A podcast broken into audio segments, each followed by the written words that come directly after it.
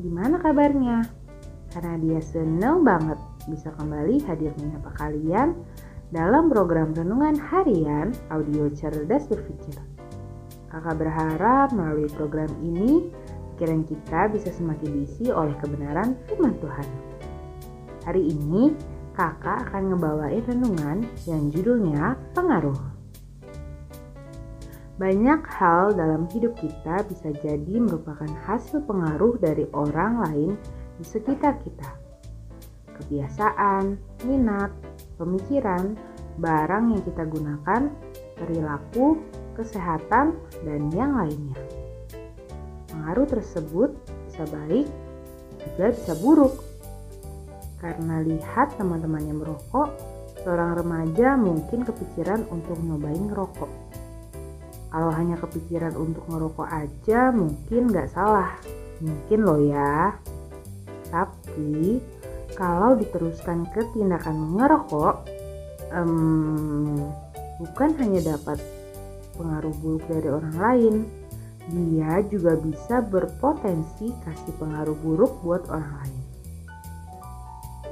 Soalnya, sangat mungkin orang yang dipengaruhi akan mempengaruhi, baik ataupun buruk. Soal pergaulan juga, Alkitab sendiri kasih peringatan kepada kita supaya hati-hati dalam bergaul. Misalnya dalam 1 Korintus 15 ayatnya yang ke-33 yang bunyinya begini. Janganlah kamu sesat. Pergaulan yang buruk merusakkan kebiasaan yang baik ayat tersebut benar banget. Nih ya, mungkin di antara kita ada yang masih terbiasa ngomong kotor. Entah untuk makian, umpatan, ungkapan kekagetan, atau yang lainnya. Dulunya, kebiasaan tersebut muncul kebanyakan karena teman yang duluan kayak gitu. Itu baru soal kebiasaan ngomong kotor loh ya. Intinya, ayat tersebut kasih tahu bahwa kita harus hati-hati dalam bergaul.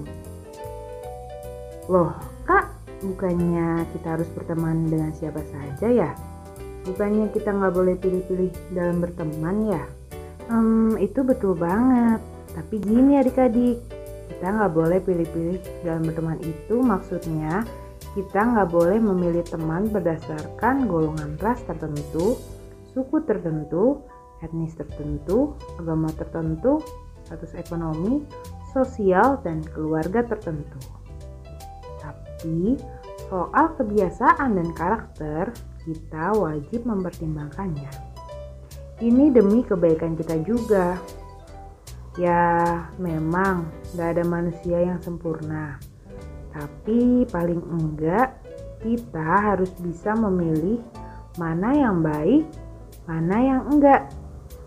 Lagi pula nih ya, kata pergaulan dalam ayat tersebut maksudnya adalah bukan hanya berteman, tapi lebih dari itu. Artinya bisa bersahabat, bisa juga hubungan pertemanan yang lebih intens. Jadi, kalau cuma berteman, ya udah, berteman aja sama si ini dan sama si itu.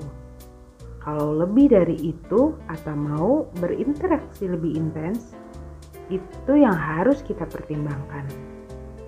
Sedikit atau banyak kita akan terpengaruh juga.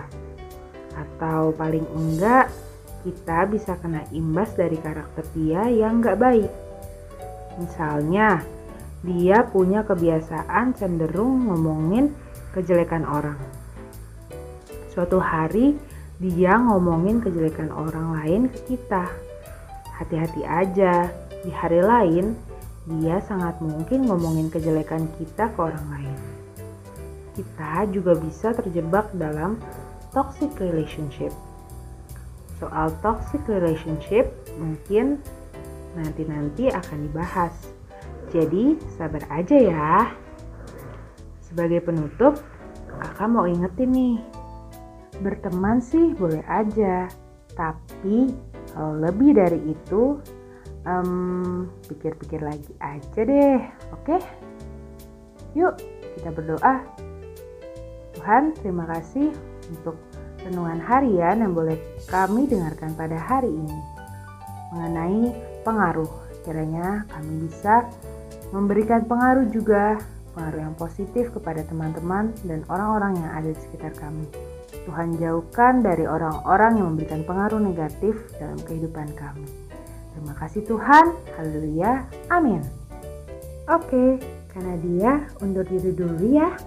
Tetap sehat, tetap semangat, dan tetap jadi berkat. Jangan lupa bahagia ya. Tuhan Yesus memberkati.